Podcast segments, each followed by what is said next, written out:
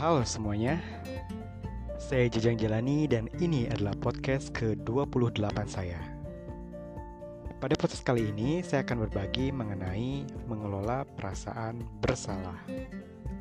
Setiap dari kita pasti pernah menyesali sesuatu dan penyesalan tersebut berkepanjangan jadi sebuah perasaan bersalah. Perasaan bersalah yang tak kunjung usai bisa membuat kita menjadi trauma dalam melakukan sesuatu. Kalau kamu merupakan penggemar drama Korea dan sudah nonton film Hai Bye Mama, pasti kenal dengan sosok Dr. Cho.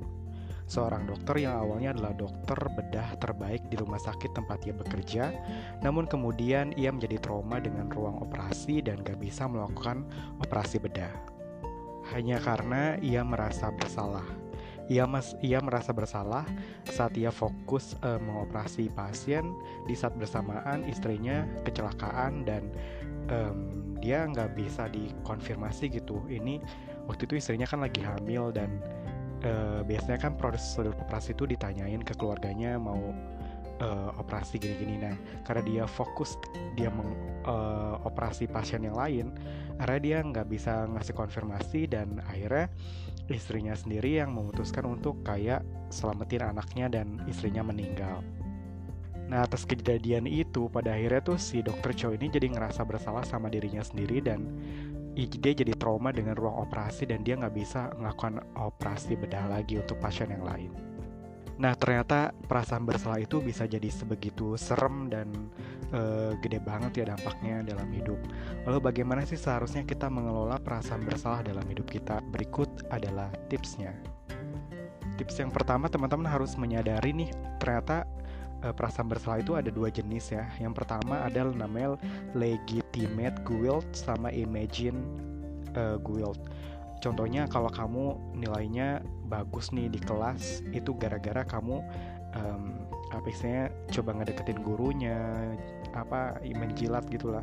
Kemudian satu waktu kamu insaf dan dapat hidayah dan merasa bersalah nih dengan orang yang beneran udah uh, belajar tekun tapi dia nilainya di bawah kamu.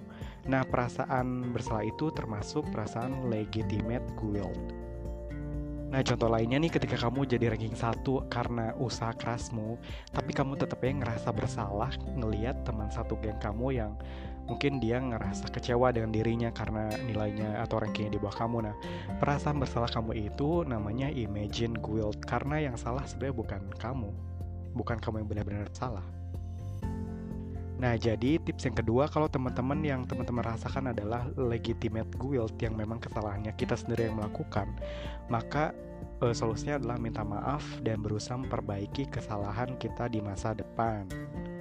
Tapi jika yang kita lakukan adalah imagine guilt, maka tips yang in uh, berikutnya adalah uh, sadarlah bahwa di dunia ini masih ada loh variabel-variabel yang nggak bisa kita kontrol. Contohnya di perasaan bersalah karena ngelihat teman kamu rankingnya di bawah kamu, padahal kamu beneran uh, udah berupaya juga yang terbaik, uh, maka apa ya kayak kebahagiaan orang lain, perasaan orang lain itu juga nggak bisa kita yang kontrol. Makanya jangan selalu menyalahkan diri kita sendiri dan sadar bahwa setiap orang itu punya tanggung jawab sama hidupnya masing-masing. Begitu ya. Jadi demikian dulu podcast kita kali ini. Terima kasih yang sudah mendengarkan. Sampai ketemu di podcast selanjutnya.